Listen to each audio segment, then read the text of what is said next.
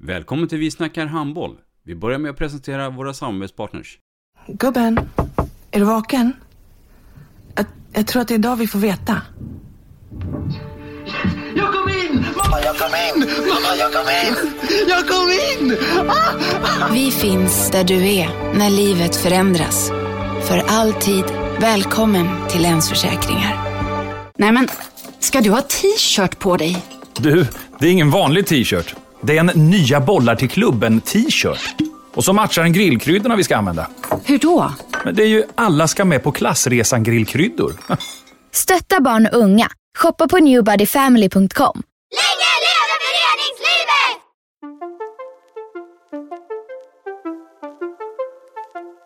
Välkommen säger vi till dig som lyssnar till den nya handbollspodden Vi snackar handboll med Robban Z och Matte. Vi snackar handboll, där du får veta alla sanningar som du inte visste att du missat. Vi snackar handboll. Idag i programmet Vi snackar handboll, Matte, så skulle jag nog vilja påstå att vi har Mälardrottningens skytt som gäst hos oss. Ja, och spelat handboll i Västerås Irsta hela sitt liv och eh, idag tongivande i SOE. Så varmt välkommen Ellen Götlin. Tack så mycket. Ellen Götlin, född 15 maj 1996. Vem är det? Ja, Ta oss jag, nu från början. ja, jag fyller snart 26, har eh, vuxit upp hela mitt liv i Västerås och spelat handboll här sedan jag var 4-5. Eh, har en mamma och en pappa och en syster som jag står väldigt nära. Och när jag inte spelar handboll så pluggar jag till eh, grundskollärare. Mm. Ska vi ta familjesituationen lite grann? För det finns ju kopplingar där. Jag vet inte om det är på pappas sida eller på mammas sida, men jag misstänker att det är på mammas sida. Ja. Berätta lite mer djupare här. ja, min mamma har ju spelat handboll Och hela då då pratar liv. vi Ulrika, Ulle, för detta Olsson, numera Götlin. Ja, precis. Ja. Ja. X antal landskamper. Mm. Han du se henne Nej, nej, jag har knappt sett henne spela. Jag har mest fått hört. Det Ja. finns inte så mycket filmer och sånt heller från hennes tid. nej. Så jag har tyvärr knappt fått sett henne spela. Och pappa då? Eh, pappa är en, håller på med massa idrotter, men ja, inget speciellt. Lite så här korpen, skadad Mm. kille. En glad amatör inom idrottsvärlden. Exakt så. Ja. Och så har du en syster också. Mm. Som också- Kajsa. Ja, som Mm. också spelar handboll. Hon har slutat, men Ja. hon eh, har spelat också hela sitt liv. Mm. Mm. Är ni ju tajta med varandra? Ja, det är vi. Mm. Mm. Vad är för åldersskillnad på er? Eh, två år, så hon är två år yngre än mig. Så vi har spelat några matcher tillsammans också. När du hörde att hon skulle lägga skorna på hyllan, vad, vad, vad tänker man då? Som storasyster? Eh, hon har haft problem med att hoppa knä. Ja. Eh, så sista åren spelade hon knappt och bara försökte få ja, sin kropp att fungera. Så jag visste ju att hon skulle sluta. Mm. Men tyckte ju som sagt att det var väldigt tråkigt. Men hon är ju fortfarande jätteinvolverad i handboll och Mm. kollar på alla mina matcher och ja, har mycket åsikter och sådär. Så det är ju fortfarande roligt. Kan hon bli en ledare tror du? Nej, inte så, så mycket tycker hon inte handboll att hon vill vara ledare och sånt. Men hon gillar att titta. Jag tänkte med eh, att ha åsikter och det så Ja. kan man väl själv ställa sig där och, och sköta laget. Ja, hon skulle säkert tycka att hon skulle vara jättebra på det, men jag vet inte själv om hon skulle vara så bra. Nej, nej. Ehm, Man ser ham- alltid bäst från läktaren. ja, Exakt. handboll för hela slanten. Var det ett självklart val när du var yngre? Nej, jag har spelat fotboll tills jag var 15 också. Ja. Så jag har dubbelidrottat hela mitt liv. Mm. Och hade mamma som handbollstränare och pappa som fotbollstränare. Så Tror du att det är deras förtjänst eller fel att det blev handboll? Eller, eller eh, kunde det lika bra blivit så att du hade satsat på fotbollen? Jag tror det skulle lika gärna blivit att jag kunde satsa på fotbollen. Jag tyckte båda var lika roligt. Men eh, sen när jag blev 14-15 där så blev handbollen lite roligare och jag blev, var lite bättre i handboll. Så när jag skulle välja gymnasium så stod jag där och bara, ska jag välja fotboll eller handboll? Och så valde jag handboll och sen slutade jag i fotboll. Mm. Var, var, var på fotbollsplan kunde man hitta dig då? Jag var inne i mitt fält. Ja. Gillade att slå avgörande passningar. Och Ja. så. så lite lik handbollsspelare som jag var fotbollsspelare var jag. Så Du var mer en framspelare i fotbollen. Japp. Men är, är du verkligen en framspelare i handbollen? Jag tycker lite tvärtom att du är den avslutande spelaren. Ja, lite både och kanske. Nu har det blivit mycket, mycket mer avslut än vad det var förut. Men nu är det för att jag har tagit mycket större ansvar och Mm. känt att jag måste avsluta mer. Men eh, jag ser mig ju bättre, som en bättre framspelare än en skytt. Mm. Vi kommer till det. Yes. Ellen Jutlin som skolelev, Mm. var hon eh, lärarens bästa elev? Ja, men jag var väl en duktig flicka så i skolan. Det enda jag kommer ihåg att jag var ju en sån som idrottade på alla raster. Spelade mer fotboll med grabbarna på rasten och så. Men eh, jag skötte mig i skolan alltså. Ja. Du gick ut med MVG. Nej, alltså jag var ingen pluggtjej så, men eh, jag hade helt okej betyg utan att anstränga mig så. Men det blev en handbollskarriär. Och den är du inne i, upp i just nu. Ehm, ska vi ta oss från början här då? Ehm, var det bollskola eller handbollsskola eller vad, vad kallade det på den tiden? Ja, bollkul. Mm. Körde jag med mamma och Helena Lindblom hade oss. Och då var det med 94 så jag körde med två år äldre. Både Mm. jag, Elin och Ida, Helenas barn. Vi sprang runt där och fick vara med som små knattar. Märktes det då att, att du var två år kort där eller? Nej, Jag kommer inte ihåg så mycket, jag var väldigt liten då och Ida var ännu mindre så vi små sprang mest runt där som små smurfar och tyckte det var jätteroligt. Maskotar. Ja men Ja. lite så faktiskt. Ja. Eh, men tiden gick vidare. Ja. Det skulle formas ett lag också då, då. Men vad jag förstår så var det inte naturligt att spela från början med de som är födda 96. Nej jag spelade med de som var födda 95 för det var både jag och Ida som är 97 och Elin som är 95 vi fortsatte med 95 för mamma och Helena var tränare där. Mm. Så då fortsatte jag och spelade med de som var ett år äldre. Mm. Hur, hur var den här årgången i Sverige? Eh, vi hade tre, vi var ganska många som spelade handboll. Eh, så vi hade tre olika 95-lag. Mm. Och då fanns det ett lag som var väldigt duktiga som tog alla SM-guld och Mm. sånt. Och sen fanns det två lag till och vi var väl ett mittemellan Mm. lag där. Mm. Så vi var väl inte jättebra men helt okej. Hur, hur, hur lyckades man få um, alltså, tre lag där och sen göra ett lag bra? Och två? Alltså jag tror egentligen att det var lite slumpen för det var vart man bodde. Mm. Och så råkade de som, de kanske också tränade lite mer, alltså Mm. var en tunnare trupp. Så. Och ehm, är det många av dem som fortsätter idag, idag tror du? Eller har de slutat allt, allt eftersom?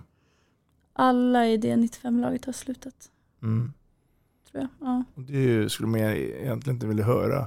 Nej. Säga. Eller vad säger du Matte?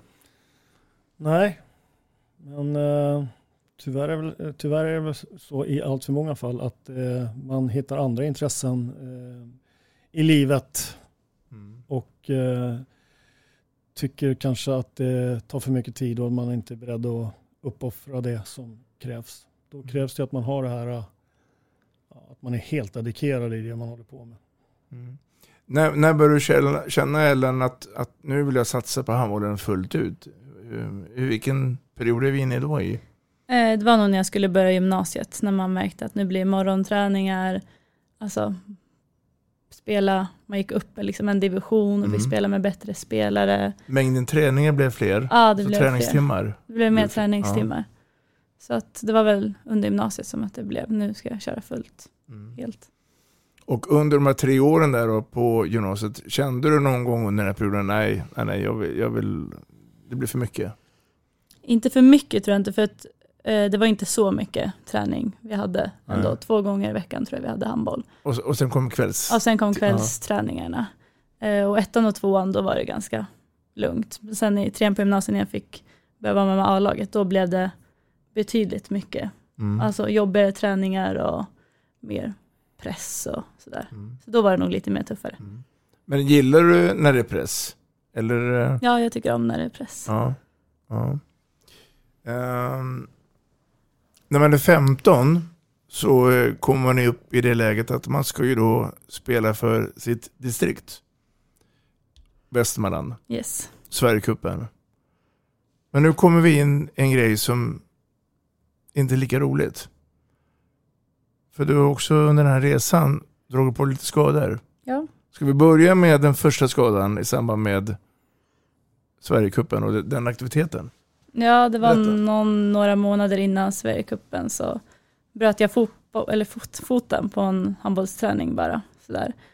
Och då vet jag att jag hade vilat någon vecka innan för att jag hade haft lite ont i knät. Sådär. Mamma var inte hemma, så det var jag och pappa. Så att jag fick springa upp, för, jag skulle, vi hade match dagen efter och Mm. jag skulle ju såklart spela. Så att jag sprang upp och ner för trappen hemma med en bruten fot. Och så när mamma kom hem så var det mest, ni måste kanske åka och titta upp den där. Men jag och pappa var så här, nej nej det är match imorgon. Mm. Jag slutade med gips i sex veckor.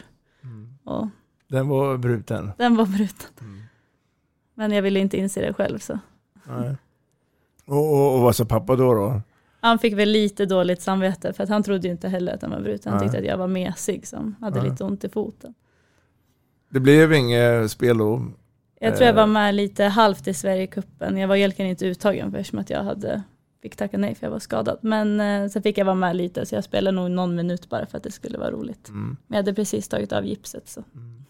Är det, eh, är det vid det tillfället också du börjar få lite koll på de övriga spelarna som är födda 96?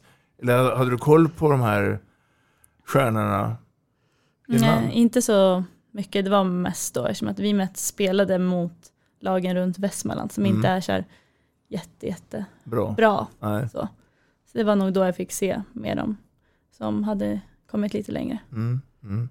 Och några av de här ser man ju på tv också. Ja. Mm, vi kommer till det. Vi kommer till det. Ehm, mm. Parallellt då med den verksamheten och träningen på hemmaplan i Västerås Irsta så är det väl så också att du får väl sen ett samtal om att och, och lite nyfiken på att du ska upp i seniorverksamheten. Hur tog du emot det? Nej men det kom ändå ganska naturligt. Jag hade tränat på bra och sen så hade de lite, A-laget hade lite kort om folk. Så då ringde Erik Laron mig och sa så här, frågade om jag kunde vara med och träna lite.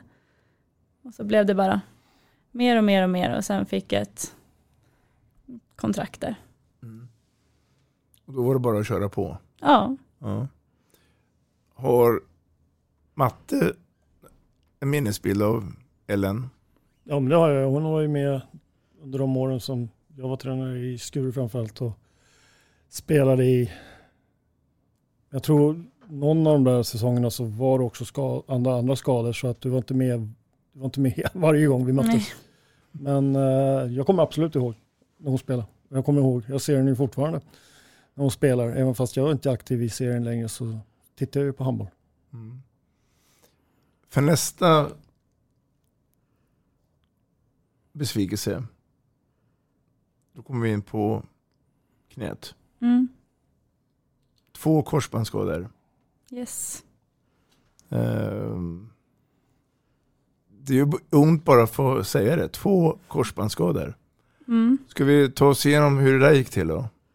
Ja, det var första korsbandsskadan var när jag precis hade fyllt 20 och det var liksom min, kände det här var min säsong i A-laget. Det hade gått bra på försäsongen, hade varit med hela tiden och andra matchen mot Lugi borta så bröt jag korsbandet. Och då gick allt sönder i knät och hela jag gick sönder.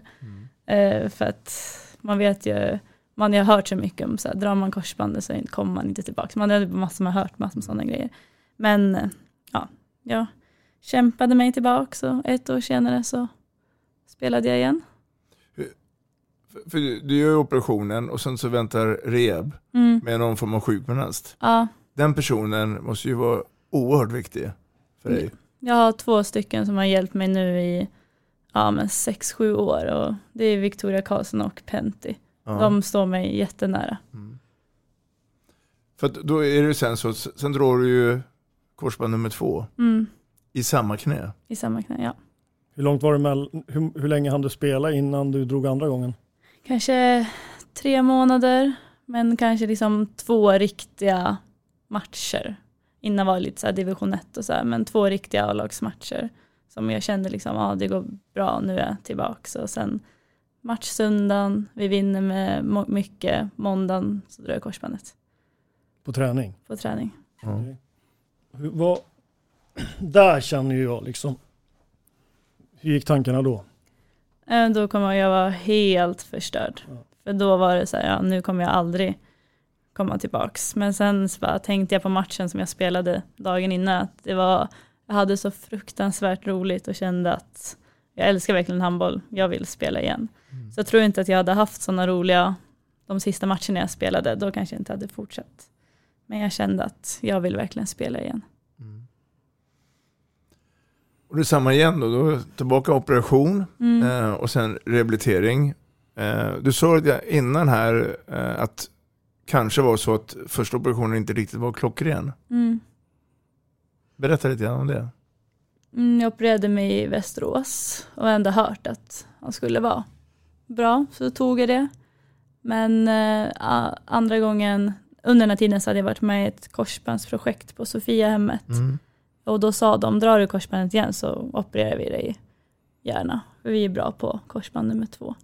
Och då tog jag den chansen och opererade mig hos en som heter Björn Engström på Sofiahemmet. Mm. Och jätte, jättebra. Jag har inte, ja, peppar på att ta i trä, inte haft ett enda problem sen mm. han opererade mig. Så att allt har gått alltså, hur bra som helst efter den operationen. Mm. Och samtidigt under den tiden så skulle du träna andra knät. För det, det är väl det oftast, eller oftast ska jag inte säga, men det kan hända fel, att man lägger mer vikt på det skadade knät. Men det friska får åka någon form av, inte räkmacka, men ja. Eh, och så, så händer det att det smäller igen. Um, jag tror att det är viktigt att när man är Eh, Jag tror att det är viktigt att man är under skadeperiod, alltså dels är det viktigt med rehabträning för att, eh, för att stärka upp och komma tillbaka med ett starkare knä än vad man, eh, eh eller åtminstone lika starkt som man hade innan. Men jag tror också att det är otroligt viktigt att man under den här skadeperioden också förbereder övriga kroppen på, ja, rent fysiskt på att, eh, att komma tillbaka. Eh, för jag tror att det är, det tror jag är nyckel till att kunna liksom hålla sig skadefri sen. Mm. Vidare i karriären. Eh, jag tror att, eh, att, bara att fokusera för mycket på rehaben, det är, den är viktig i, i sig, men jag tror också att det är jäkligt viktigt att den dag man sen ska tillbaka och ställa sig på handbollsplanen och träna, att man är fysiskt förberedd. För annars kommer det följd, följdskador. Eh, eh, så jag tror det är jätteviktigt med att förbereda sig under en skadeperiod rent fysiskt på att den dagen jag kommer tillbaka så ska jag vara riktigt bra form. Mm den här tiden då när du eh, spelade eller var med i samband med Sverigecupen. Efter den så var du riksläger. Mm. Och så, så eh, åker man dit ner och tränar. Minns du vem som var förbundskapten för det landslaget? Nej, jag har aldrig varit på något riks eller ja. något sånt där. Så jag hade... Han heter Ola Månsson. Ja, jag vet ju att han hade dem på slutet. Ja. Men jag hade ingen koll på det där. Nej. Och de tog ju också ett EM-guld mm. där. Han har koll på dig. Uh, jag har pratat med honom. Uh, och då säger ju han då att hade Ellen varit bättre fysiskt tränad vid det tillfället så tror han att du skulle vara med i landslaget. Vi kommer komma tillbaka till det ämnet lite senare. Mm. Men innan så ska du få en hälsning här. Okay. Eh, från en vän till dig på nära håll. Låt höra här får du se. Hej Ellen, det här är Helena Lindblom. Jag har följt dig hela ditt handbollsliv, från bollkul och ända upp i SOE, både som tränare och eh, på sidan om. När du var liten så var du handbollstokig, skottvillig och så hade du bra spelförståelse.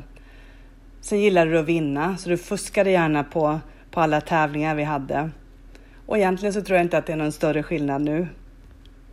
Du har haft himlans otur, du har haft två svåra korsbandsskador och du har kämpat stenhårt för att komma tillbaka. Och som du har gjort det, helt fantastiskt. Dina styrkor skulle jag vilja prata lite om. Eh, din största styrka det är din spelförståelse, ditt samarbete med framförallt mittsex men även med övriga spelare i, i laget. Fortfarande skottvillig som jag sa. Du vågar fortsätta skjuta även om du missar något skott. Du har ett lurigt och ovanligt skott som är svårläst. Ehm, och sen så tycker jag också att du har en styrka i omställningsspelet, i fas 2-spelet. Du är bra på att eh, fördela bollar. Så jag hoppas få se dig spela mycket mer försvar än vad du har gjort hittills. Så att man kan utnyttja din smartness när det gäller det också. Du har tagit jättestora steg senaste säsongen. Eh, och jag ser verkligen fram emot att se nästa säsong, för du kommer att ta ännu fler steg. Lycka till Ellen! Mm, Ellen. Mm. Vad tänker du när du hör det här? Ja, det var jättefint sagt. Och Helena står ju mig nära idag också, som hon gjorde när jag var yngre med. Så ja, bli rörd, det var jättefint. Håller du med om det mesta det hon säger? Jo, men det gör jag ju. Men hon, hon pratar någonting om fuska. Ja. Vad menar hon med det? Nej, men också uppvuxen i en tävlingsfamilj eh, där ingen vill förlora. Alltså. Och om man har förlorat får man ju höra det resten av kvällen. Ja, så det har väl blivit att alltså, vill jag vinna för allt annat då kan man väl, har man väl lagt in någon små fusk som kanske ibland inte syns för att man vill vinna så mycket. Är du en dålig förlorare? Ibland kan jag vara det. Speciellt om man har vunn- vunnit mot pappa eller syrran. I någon sån här familjespel eller något Ja, vi är riktiga spelmänniskor. Ja. Så att vi spelar mycket spel på kvällarna och har pappa vunnit får man höra i två veckor. Så det är liksom, man gör allt för att han inte ska vinna. Nej. Och, och om vi tar en, en handbollsmatch där då, där eh, förlusten har kommit och du kommer hem. Mm. Eh, hur, hur, hur ska man behandla dig då? då? Ska man se dig som Jesus, finns men syns inte, ingen idé att prata med dig? Eller ska man säga vad, duktig du var? Bara för att försöka berömma dig? Eller? Ja, lite både och. Har jag inte varit bra så vill jag inte höra att jag har varit duktig. Men jag går väl ändå att prata med. Så. Men eh, det är jobbigt när man har förlorat om man inte gjort en bra match. Då vill man inte ha så många som pratar med en efter. Nej. Vad, går du och gräver eh, efter förluster, matcher? eh, Eller försöker du sålla bort det så fort som möjligt? Mm, jag är ju en liten handbollsnörd så jag tittar ju jättemycket. Så jag tittar ju på matchen Ja. efter och verkligen kollar vad skulle jag kunna gjort bättre här och hur skulle jag kunna gjort det där. Så jag grubblar väl ganska mycket över en match om det inte har gått bra. Mm. Det här med eh, träna på egen hand här då. För jag inser ju nu, eller tror mig, förstår dig, att du har ju steppat upp lite grann i, i träningen här då. Mm. Att eh, jobba med fysen och hela den här biten. Mm. Eh, eller ser du, ser du att det går att fuska sig igenom den? Fysen ser jag väl inte att det går att fuska sig igenom och efter jag drog korsbandet andra gången så har jag ju fokuserat mer på fysen. Så nu de senaste två åren så har jag fått hjälp av Claes Hellgren och Handsken Mm. i Västerås och då har det gått så mycket bättre. Jag har Mm. fått eh, ja, bättre fysisk status efter det. Mm.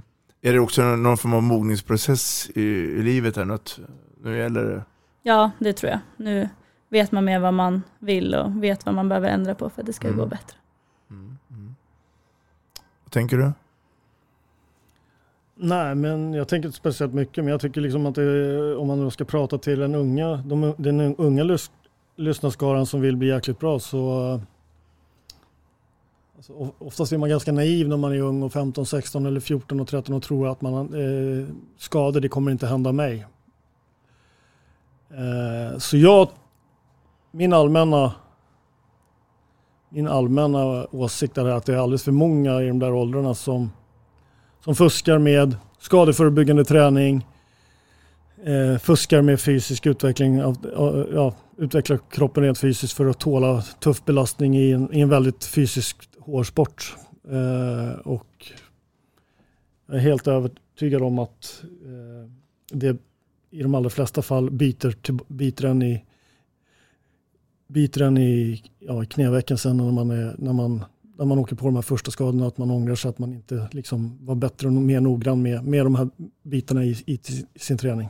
Mm. Som man också kan i den åldern när man inte riktigt har mognat ännu så kan man tycka att den typen av träning är tråkig eh, och så vidare. Men eh, ju äldre man blir så blir man också mer mogen och förstår att eh, den, den gör nytta. Håller du med? Ja, jag önskar ju att jag där vid 14-15 hade fokuserat mer på fysen. Då tyckte jag bara att det var roligt att spela handboll. Så var man en liten tunn tunnis där som sprang mm. runt. Som hade behövt lite fysträning. Du är 26 nu. Mm. Och eh, jag brukar ju säga det. Att eh, man är som bäst när man är runt 24, 25, 26, 27. Eh, finns det mycket kvar att ge tror du? Av din kapacitet? Ja det tycker jag. Nu när jag får varit skadefri i två år så tycker jag att det bara går bättre och bättre för att jag kan ja, men, inte vara skadad någonting. Jag har haft två hela försäsonger och det har jag nästan aldrig haft för att foten eller knät har strulat. Så att det känns som att det fortfarande kan gå framåt. Mm. Förebild? Hade mm. du någon förebild när du var ung? Jag har alltid haft Isabelle Guldén sedan jag var liten och så nu på senare tid så gillar jag Dimitrieva i Ryssland också. Mm. Mm. Tror du att det finns några Västeråsungdomar som har Ellen Jutlin som förebild? Ja, kanske fått höra några små barn som har varit och tittat som mm. har sagt det i alla fall. Så det är ändå kul att höra. Mm. Mycket, mycket måste jag säga. Det är ju tecken ändå på att du är på rätt spår i alla fall. Mm. Um, jag tror ju nämligen så att, att du, du har ju också gått och blivit nu en, en stabilare spelare. Eh, och en viktig kugge i damlaget. Men om vi ska vara lite negativa nu. Så han som sitter bredvid här, Mats Kardell, undrar ibland att vad är det som händer med Västerås Irsta? Varför blir man inte ännu bättre? Och då pratar vi tabellmässigt. Jag tror Mats ska få utveckla det. Ja, det kan vi göra, men alltså enligt mig så det här är bara min högst personliga eh, liksom, in, syn på det hela så, så tycker jag att Västerås Irsta eh, har en jäkligt spännande, jäkligt spännande material. Eh, det finns både bredd och topp. Och jag tycker att det finns en kapacitet i gruppen att vara med och slåss om topp fyra position inom svensk handboll. Och eh, av någon anledning så så eh, är det för många säsonger där jag tycker liksom man, man fightas om att, att ta sig till slutspel överhuvudtaget och, och, och åker ut i, i kvartsfinaler. Jag vet, det har skett bland annat mot oss i Skure några gånger och, och, och sådär. Så jag väntar fortfarande på att, att man ska få ut mer av materialet och, och börja etablera sig som en topp 4-förening i, i Sverige. För jag tycker att det finns både bredd och topp framförallt tycker jag på 9 positionerna där de, de kanske är bred, de är bredare än någon annan klubb i hela, i hela Sverige. Eh, och jag tycker också till förra året här nu när man fick in Ulrika Olsson och Hanna Flodman och så fick man också spetskompetensen som skulle krävas för att liksom ta nästa steg och det blev inte riktigt så den här säsongen heller utan man var kvar där nere på, det, på de där man har legat de senaste åren också och det är, är, är, för mig en liten gåta om jag ska vara helt ärlig. Liksom. Och jag önskar och hoppas att eh, de kan få till det, för det, för det finns så mycket kunnande i, i, i gruppen där uppe. Vad tänker du Ellen? Jo, jag håller med. Vi hade ju betydligt högre målsättning i år och det gick väldigt bra på försäsongen. Vi sprang, hade inga tekniska fel, gjorde jättemycket mål. Det gick bra. Men eh, sen när serien började och vi fick så tufft motstånd direkt så liksom ingenting stämde och sen båda målvakterna skadade, två mm. gravida. Alltså det var, har varit väldigt upp och ner i truppen, varit olika personer på träningarna och så att vi fick, ja, det, allt började så bra och sen blev det så dåligt. Så det var väldigt synd när vi verkligen trodde att den här säsongen skulle det ske en utveckling. För både klubben har utvecklats bättre och spelarna. Så att, såklart det är en besvikelse att åka ut i kvartsfinalen med 3-0. Mm, mm.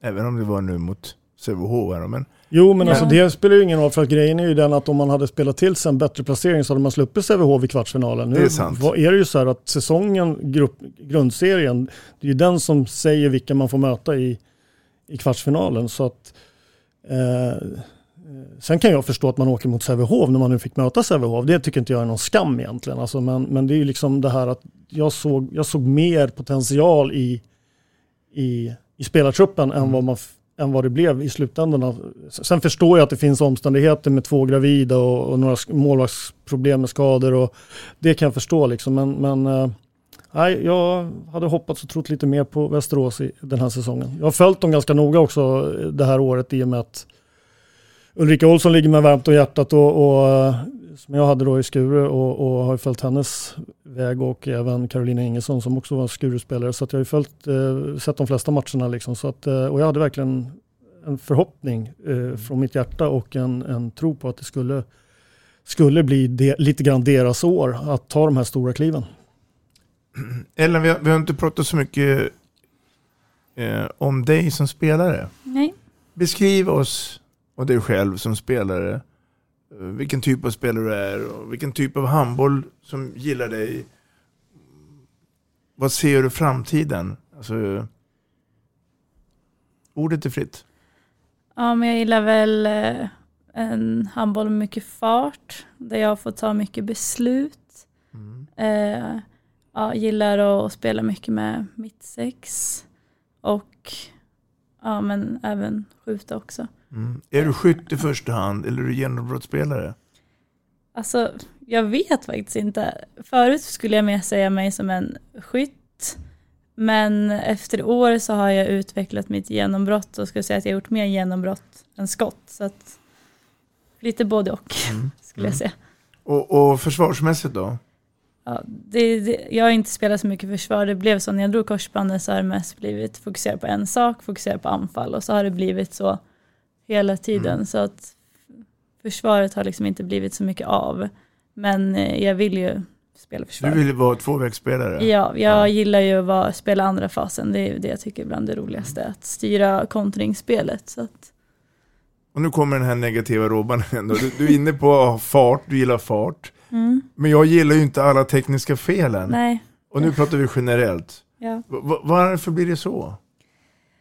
Jag, vet, jag tror jag vill ofta ta lite så här för svåra beslut och när jag, man kan välja de enklaste valen så har jag ofta blivit de svåra och då blir det ofta ett tekniskt fel. Så att man får väl vara mer beslutsam. Ja, för handboll är ju ingen skönhetstävling. Nej. Du får ju inga extra poäng för att du gör en snygg passning. Nej, precis. Rakt på sak tänkte jag säga. Ja. jag, jag ser att du förstår vad jag menar i alla fall, så det, och det är väl bra. Ja. Ehm, ansvar gillar du. Ja. Känner du att du har fått det ännu mer nu i takt med att Ulrika, ehm, vad tror du, läm- lämnar säsongen?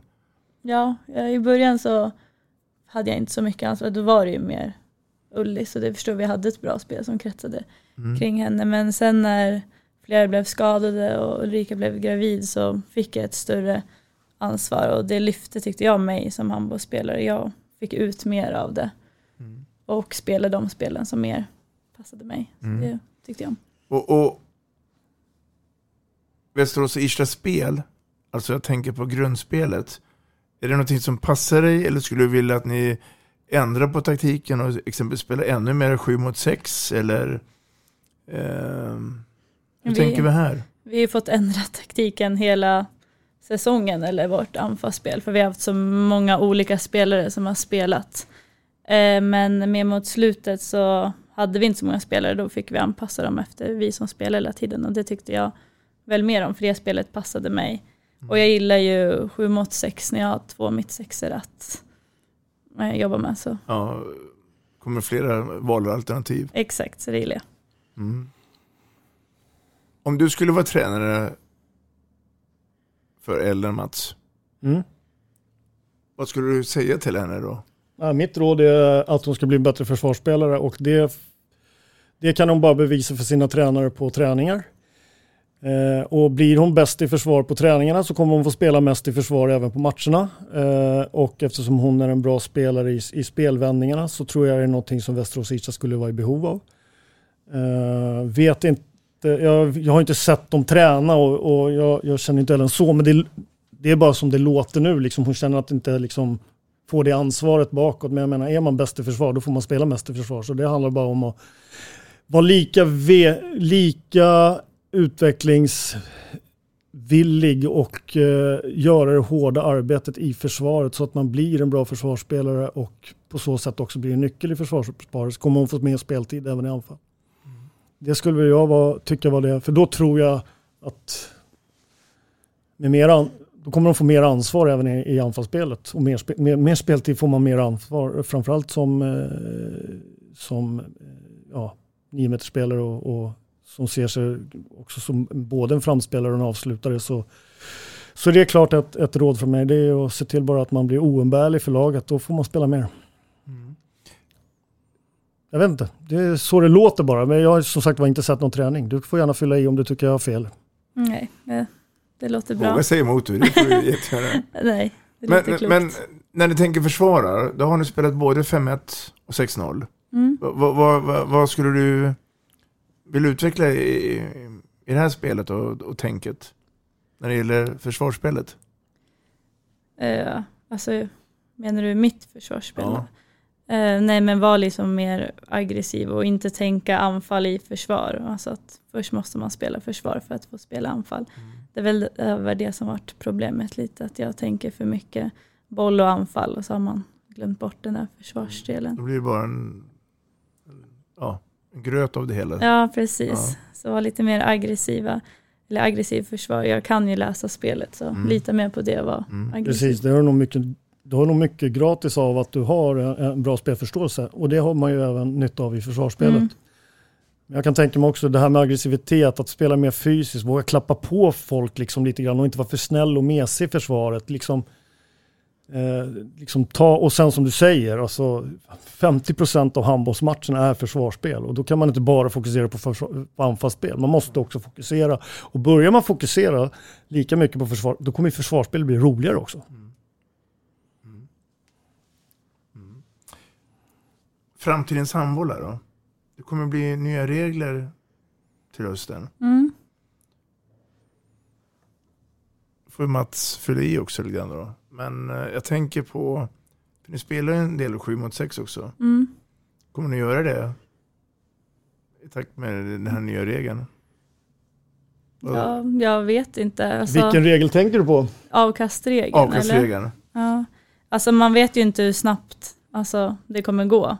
Eftersom man inte har testat med den nya regeln. Men jag chansar på att det kommer bli betydligt svårare att spela 7-6. Men ja har man ett bra 7-6-spel när man vet vem som ska byta och kommer till bra lägen så är det ändå svårt att göra mål i öppen kasse. Så man får väl ha lite mer disciplin. Vad tror du, herren? Nej, men jag, jag, tror ju att den, den nya regeln med avkastning kommer att göra att eh, tränare och lag kommer fokusera på ännu snabbare spelvändningar i, och framförallt snabbare spelvändningar när motståndarna har gjort mål.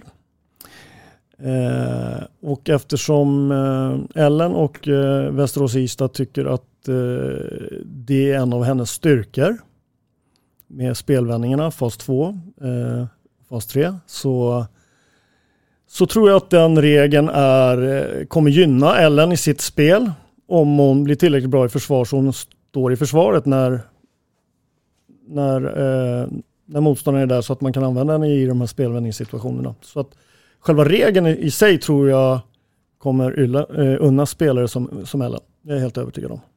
Mm, mm. Ja, den som lever får se. Ja. Det ska i alla fall bli kul att se. När den här podden görs så är vi ju skarven april, maj månad. Snart börjar en ny försäsong. Mm. Jippi. Ja. Um, hur hur motiverar du att förbereda sig för en, en sån period? För, eh, nu är vi tillbaka till mycket träning. Eh, Hur tänker vi här? man tänker ju bara att man längtar ju redan nu till nästa säsong, att den ska bli mycket bättre än fjolåret. Så då vet man att man måste lägga ner mycket träning. Eh, och sen så har jag ett väldigt roligt lag, så att varje dag när jag får träna med dem så är ju ändå det, alltså det är något roligt. Ser ändå fram emot det fast det kommer vara riktigt jobbigt får jag träffa mina kompisar nu varje dag igen. Mm. Så det är ändå en positiv grej också. Du är en glad spelevink. Mm. Tycker om när det händer någonting. Ja. Mm. Jag eh, har förstått det. Eh, och eh, du ska få höra en grej här. Mm. Som eh, jag tror att du kommer bli glad av. Lyssna här. Tjena Ellen King, det är Otte här.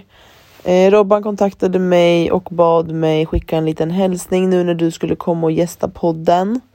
Och vi har ju ändå stått ut med varann ett bra tag, så varför inte tänkte jag.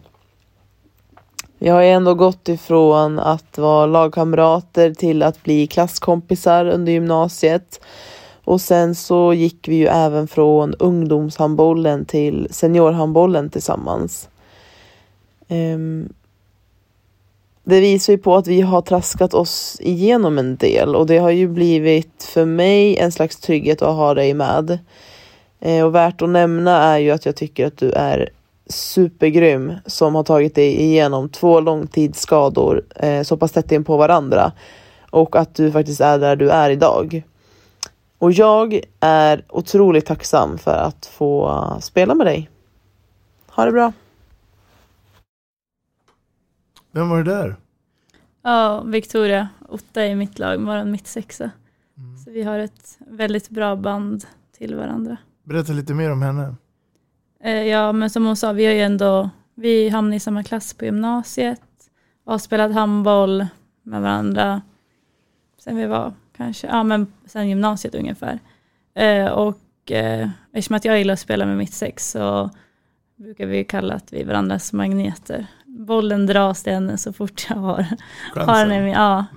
Eh, så jag tycker om henne jättemycket både som på plan och utanför. Ni umgås även utanför Ja, det banan också? Ja. Mm. Det är väl en viktig lagegenskap att uh, ha koll på varandra även utanför banan också. Eh, faktiskt, så är det. Ska vi titta lite framåt i kristallskålen? Mm. Kan det vara så att Ellen har tänkt att förbli västeråsare? Eller blickar du framåt? Hur tänker vi? Eh, ja, så jag är ju väldigt hemmakär eh, och trivs väldigt bra i Västerås och Västerås Irsta. Eh, så jag har ju precis skrivit på två nya år med eh, Västerås. Så får vi väl se efter det vad som händer. Är det någon som har dragit i dig och frågat vill du komma till oss? Alltså, nej, inte jättemycket. Nej. Du känner den här tryggheten då och kontinuiteten Mm. och på Det gör jag. Ja. Ehm. och och ehm, blir det någon form av, av eh, proffsäventyr och det så, så blir det det. Ja, Men du ska först göra klart dina studier. precis. När blir du klar med dem? I efter jul. Så Mm. jag är snart färdig. Vad tror du har för på, vad, vad ser du själv i kristallkulan med nästa år och, och laget och sådär? Ser, ser truppen och ser det spännande ut eller liksom, har, ni- tappar ni någon folk eller vad, vad, vad händer? Eh, vad, Vi kan börja med tränarna och, och assisterande. Mm. För där har det hänt lite, lite grann. Mm, vi har fått in en eh, assisterande tränare, Daniel Boverud. Eh, och det tror jag kan vara bra. Han är inte så lik Frenne. Så jag tror det kan vara bra med någon som höjer rösten lite mer. Och skönt att ha en assisterande. Det tycker jag vi har saknat. Eh, men det har varit det positiva med att Ulrika blev gravid är att hon har gått in lite mer som en assisterande. Och det tycker jag är jätteskönt att ha någon att eh, bolla med. Speciellt när jag har varit mycket liksom, styrt anfallsspelet så är det skönt att ha någon man kan ja, men, diskutera med på bänken och på träning och så. Eh, så ja, men laget nästa år är ju i stort sett samma fast vi tappar ju Ulrika och Victoria Högström Mm. Unell från start. Eh, och eh, Tyra ska ju lämna oss också. Eh, men sen får vi in en mittsexa från Kungälv. Mm. Som jag tycker känns bra. Lite skillnad mot Otte, lite mer mindre rörlig mittsexa. Så det tycker jag om. Så i stort sett har vi ju samma lag och det tycker jag ändå kan vara bra. Vi vet ju vart vi har varandra så med en bra försprång så tror jag att det kan gå bra. Och, och kunna höja då den här lilla tabell... Ja men precis, höja våra djupa dalar så att det blir inte ha så låg lägsta nivå att vi kan ja, men, göra fler bättre matcher. För det där är något också som har slagit mig, som Västerås, de kan alltså Frånsett att de har haft skurer lite som ett spöke genom Mm. åren som jag vet eh, är en mental spärr nästan eh, nu. Men så tycker jag att Västerås kan nästan vinna mot alla lag, men de kan fasken förlora mot alla lag också. Alltså det, det, beror, det är så jäkla mycket hög, eh, hö, hög, djupa dalar och höga, höga berg liksom. Så att eh, de kan störa alla lag i serien, men de kan också förlora mot alla lag. Det är så konstigt på något sätt och där tycker jag det är söka, något att söka för föreningen och hitta den här stabiliteten att höja lägstanivån framförallt. För toppen finns i sina bästa stunder, spelar de en väldigt, väldigt fin handboll och sådär. Men just att få en stabilare eh, lägstanivå eh, eh, skulle, skulle jag tycka var någonting de skulle kunna jobba med. Det, det mentala planet då? Tränar mental träning? Mm. Jobbar ni med det då? Ja, vi har haft lite så här eh, KBT med Malin, som, jag tror hon heter Malin, som är med i landslaget. Ja, där. ja. Hon har varit nere och vi har haft ja, men lite sådana, för att vi har haft svårt för vissa lag och att vi har haft de här djupa dalarna som Mm. helt plötsligt kan komma efter en sån bra match och sådär. Så att vi har väl ändå jobbat lite med det och ska fortsätta lite med det nu i år. Mm, mm. Vi var inne på att du analytiker, tittar mycket Mm. på handboll. Tittar du på mycket andra matcher också då i SHE? Eller är det bara i era matcher du tittar på mer? Nej, SHE och handbollsligan, då ser jag alla matcher. Ja. ja. Och apropå SHE nästa år Mm. så eh, kommer det in några spelare till ligan. Mm. Bland annat en av dina favoriter. Ja. Blev du överraskad när Lugi presenterade Bella Guldén? Alltså, eftersom att man är lite handbollsnörd så har man ju haft lite koll på silly season och sånt där. Så att ryktet spred ju sig ganska snabbt att hon Mm. skulle tillbaka till Sverige. Men så trodde man väl ändå inte på det så. Men eh, så att det var väl ändå inte en chock fast ändå en liten chock Mm. att hon skulle komma till Lugi. Västerås Arena. Är det en sexig handbollsarena? Det är inte många som gillar den i alla fall. Men eh, det är lite extra roligt att det är ingen som gillar att spela där för att det blir en liten extra taggning när alla lagen ska åka hit och möta oss. Hur kan du och resten av föreningen göra så att det blir mer än halvfullt eller fullt i arenan när ni spelar? Nu tycker jag ändå att på slutet så har vi fått dit mer publik. Ja, Och när vi har spelat bra så har det varit lite mer. Men det är ju det att hallen tar in så sjukt många. Mm. Och då märks det inte att vi har 500 Nej. där. Så det är väl det att vi ska väl, vi jobbar väl för att få dit lite fler ungdomslag och så. Det tycker jag har blivit bättre om, nu i slutet på säsongen. Så jag hoppas ju att de Är det föreningen som gör det eller är ni seniorspelet som kommer med tips och idéer? Hur kan ni också vara med och sälja in produkten, handbollen? Jo men eh, lite både och. Vi har Erik Grönberg som är jätteduktig nu och har kommit och Mm. jobbat hårt för det. Men sen jobbar ju vi spelare också för det. Vi, eh, för något år sedan hade vi fadderlag som man var ner och besökte eh, lag och sånt där. Och det är flera av de tjejerna som jag, alltså nu ju de blivit gamla men som jag hälsar på idag och kan kolla på någon match och sådär. Eh, och det känner jag, då kommer de vilja kolla på oss också. Så. Kommer in andra, andra föreningar och tittar på er? Alltså grannklubbar? Mm, jag vet att någon gång har det varit så, men det har inte varit så här jätte... Det, det kan gå att göra ännu bättre. Ja, det tycker jag. Ja. Mm. Ehm, Thomas Axnér och Johanna Wiberg Mm. och landslaget. Ehm, en vacker och kanske Ellen Götline där. Ja, kanske. De har ju gjort ganska bra de senaste mästerskapen. Mm.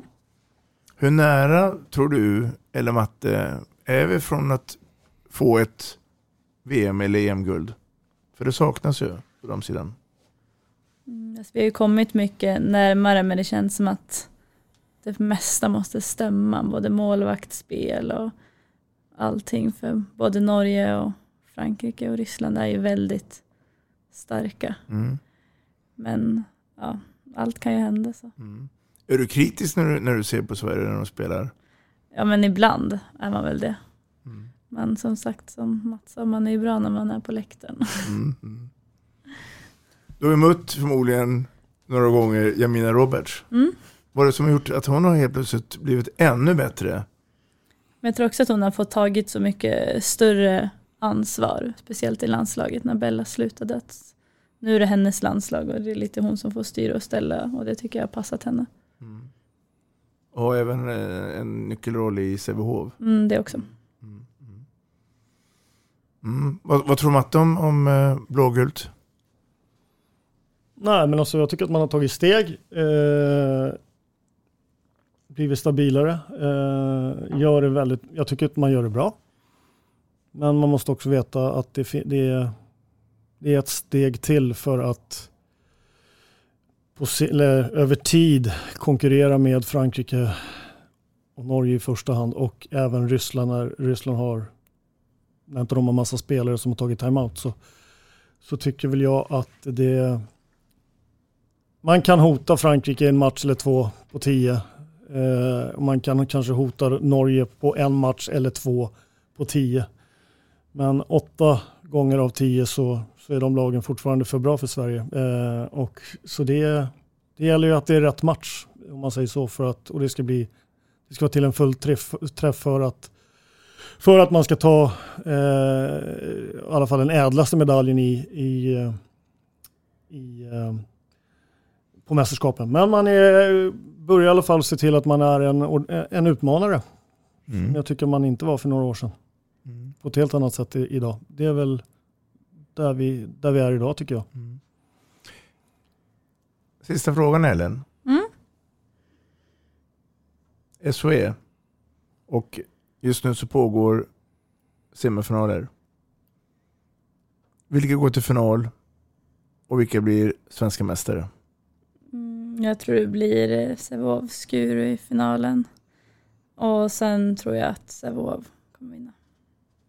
I tre raka? Eller tror du att det kan bli Nej, en det blir rysare? nog fyra eller fem. Jag bjuder dig på en, en, eh, en eh, lunch i Västerås. Om du får in eh, det rätta tipset där. Okej, tack. Ellen Jutlin, det är så här att tiden har kommit ikapp oss. Mm. Eh, varit en ära att ha haft det här. Hoppas att det är ömsesidigt att du Ja, tack för att jag fick komma. delar med dig dina handbollserfarenheter och eh, lycka till nu vidare på den här härliga resan. Tack, tack. Ja, lycka till med försvarsträningen. Tack, tack. Det behövs.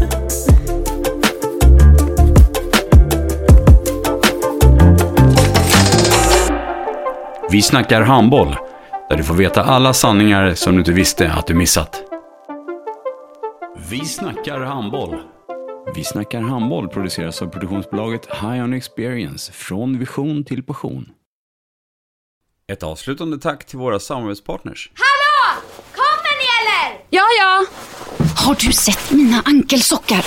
De här? Nej, nej, jag menar skridskoslip till juniorlaget Ankelsockarna. Ja, men kolla bredvid träningsläger med handbollstjejerna-t-shirtarna. Stötta barn och unga. Shoppa på newbodyfamily.com. Länge leve föreningslivet! Gubben, är du vaken? Jag, jag tror att det är idag vi får veta. Jag kom in! Mamma, jag kom in! Mamma, jag kom in! Jag kom in! Ah! Vi finns där du är när livet förändras. För alltid välkommen till Länsförsäkringar.